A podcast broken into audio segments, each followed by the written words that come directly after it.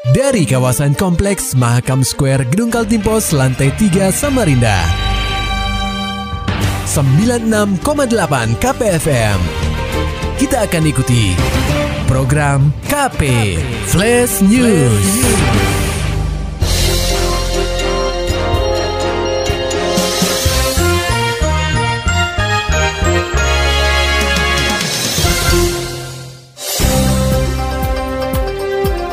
Anda sedang menyimak program KW Flash News bersama saya Agung Pratama. Berita utama. Pengembangan wisata daerah perlu konektivitas. Laporan selengkapnya disampaikan reporter KPFM Samarinda, Maulani Alamin. Menurut Kepala Dinas Pariwisata atau Dispar Kaltim, Ahmad Herwansyah, pengembangan pariwisata memerlukan konektivitas di berbagai sektor, termasuk akses transportasi yang baik. Ahmad berpendapat biaya transportasi menjadi hal yang paling sering dikeluhkan wisatawan. Ia berharap Kaltim tidak berdiri sendiri untuk mewujudkan desa wisata dan potensi wisata lainnya, tetapi mendapat dukungan dari berbagai elemen. Ahmad menginginkan persoalan harga moda transportasi dapat diatur dengan baik, seperti menentukan standar harga perjalanan dari titik awal menuju destinasi wisata, sehingga pelancong domestik maupun luar negeri dapat membuat standar harga apabila ingin berkunjung ke benua etam. Di wisata itu yang ada tiga yang utama kewajaran harga transportasi. Yang pertama kita harus ragam harga perhubungan harus mengeluarkan harga walaupun charter tapi harganya harus sama. Itu yang dikeluhkan para wisatawan tuh harga kewajaran harga transportasi mas Kepala Dinas Pariwisata atau Dispar Kaltim Ahmad Herwansyah meyakini apabila aksesibilitas atau transportasi menuju lokus wisata memiliki standar yang baik, maka Kaltim dapat mulai menggarap potensi wisata sebagai sumber perekonomian. KPFM Samarinda, Maulani Alamin melaporkan. Pendengar KP, pembangunan infrastruktur telekomunikasi terus dikembangkan oleh Pemprov Kaltim agar tidak ada lagi daerah-daerah di benua etam yang mengalami blank spot. Selama menjabat menjadi Gubernur Kaltim, Isranur terus menggalakkan pembangunan infrastruktur di sektor telekomunikasi. Tercatat sudah ada lebih dari 39 desa blank spot yang telah terkoneksi jaringan internet. Untuk sambungan fiber optik sendiri, Pemprov Kaltim membayarkan secara cuma-cuma selama satu tahun dengan kekuatan 50 Mbps per bulan, di mana selanjutnya program ini telah diserahkan ke masing-masing kabupaten dan kota.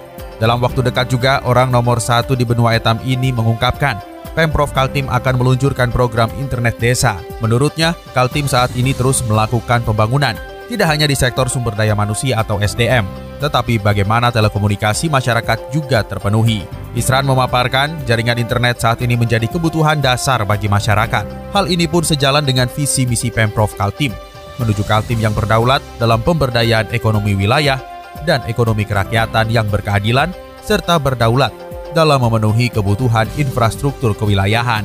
Sampai saat ini memang untuk infrastruktur telekomunikasi seluler di Kaltim masih mendapat bantuan dari Kementerian Komunikasi dan Informatika atau Kominfo sama seperti daerah lain.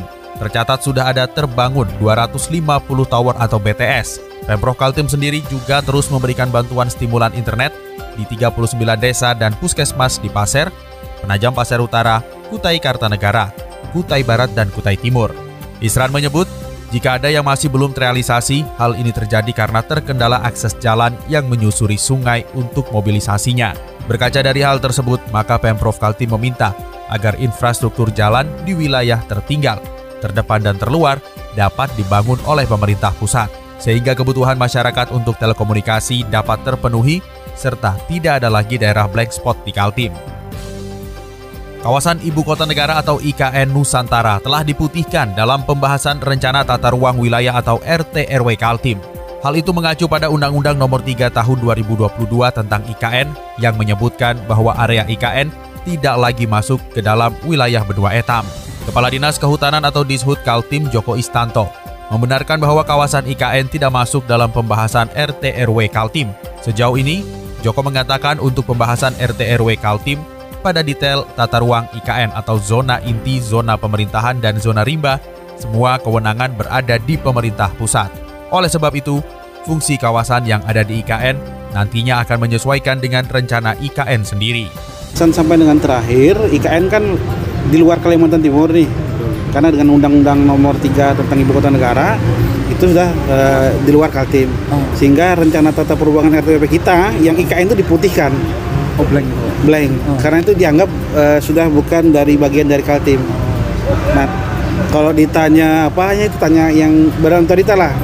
Nanti rencana tata ruangnya pasti menyesuaikan dengan kepentingan IKN. Kan nanti ada zona inti, zona inti pemerintahan, zona rimba, zona apa yang itu sekarang kan mungkin eh, datanya cuma ada di IKN.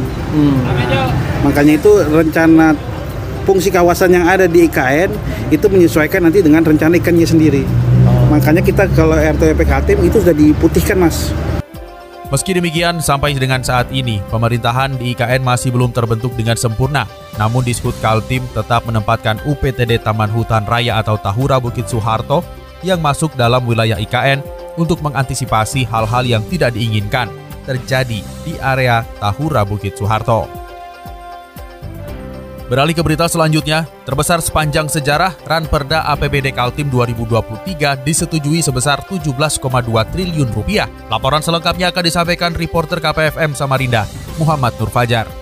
DPRD Kaltim bersama Pemprov Kaltim akhirnya menandatangani persetujuan bersama atas rancangan peraturan daerah atau Ranperda tentang APBD Kaltim tahun anggaran 2023 dengan nominal mencapai 17,20 triliun rupiah. Hal tersebut disepakati saat pelaksanaan rapat paripurna ke-50 DPRD Kaltim pada Senin 14 November 2022. Wakil Gubernur Kaltim, Hadi Mulyadi, tampak hadir langsung dalam rapat paripurna yang dipimpin oleh Ketua DPRD Kaltim, Hasanuddin Maskut. APBD Kaltim 2023 yang sebesar 17,2 triliun rupiah itu berasal dari pendapatan asli daerah atau PAD sebesar 13,54 triliun rupiah.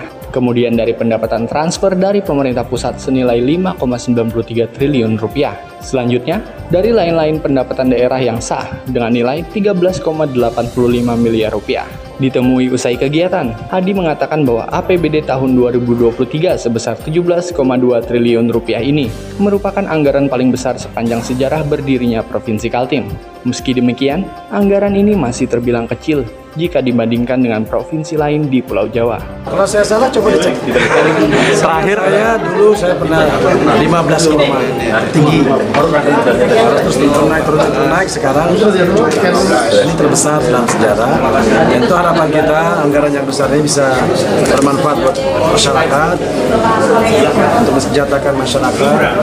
Kita berharap dana ini tetap 17 tetap kecil dibanding dengan provinsi kita yang besar. Itu oleh karena itu kita berharap uh, tetap bantuan dari pusat dalam bentuk DAK dalam bentuk proyek-proyek dan investasi yang besar. Karena kita kan menjadi IKN kalau bicara IKN itu juga sudah dapat jadi kita tetap bersyukur mudah-mudahan bisa bermanfaat. Pembangunan di kabupaten kota di daerah-daerah yang memerlukan anggaran.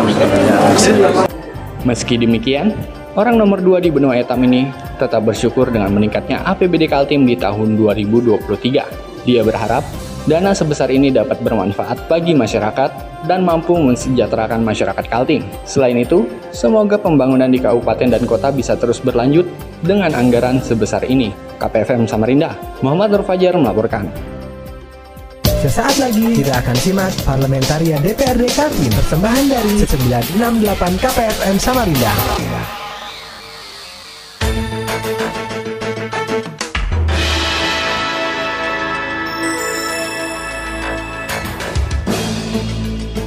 Pendengar RKP, Sekretaris Pansus Investigasi Pertambangan DPRD Kaltim M. Udin menyoroti aktivitas ship to shift atau STS yang dilakukan di atas Sungai Mahakam.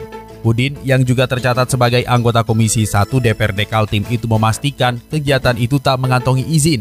Berdasarkan hasil komunikasi pihaknya dengan Dinas Lingkungan Hidup atau DLH Kaltim, dipastikan bahwa instansi itu tak pernah mengeluarkan izin lingkungan mengenai aktivitas STS di sungai. Udin menegaskan aktivitas transfer muatan yang kerap dilakukan oleh kapal-kapal bermuatan batu bara itu hanya ada di perairan muara atau bahkan di laut saja. Maka dari itu, melihat aktivitas yang menyalahi aturan turut menjadi sorotannya agar hal tersebut tidak terjadi kembali di kemudian hari. Kita kan menanya dengan dinas lingkungan karena berkaitan dengan dampak lingkungan yang ditimbulkan. Nah, tetapi setelah saya tanya bahwa perusahaan tersebut memang tidak memiliki dan Dinas Lingkungan itu tidak pernah menerbitkan sip to sip di sungai. Nah, dijelaskan di sungai. Adanya hanya di muara ataupun di laut. Dampak negatif yang diberikan dari aktivitas tersebut menurut Udin seperti pencemaran lingkungan bawah sungai hingga berdampak bagi aktivitas nelayan hingga sedimentasi.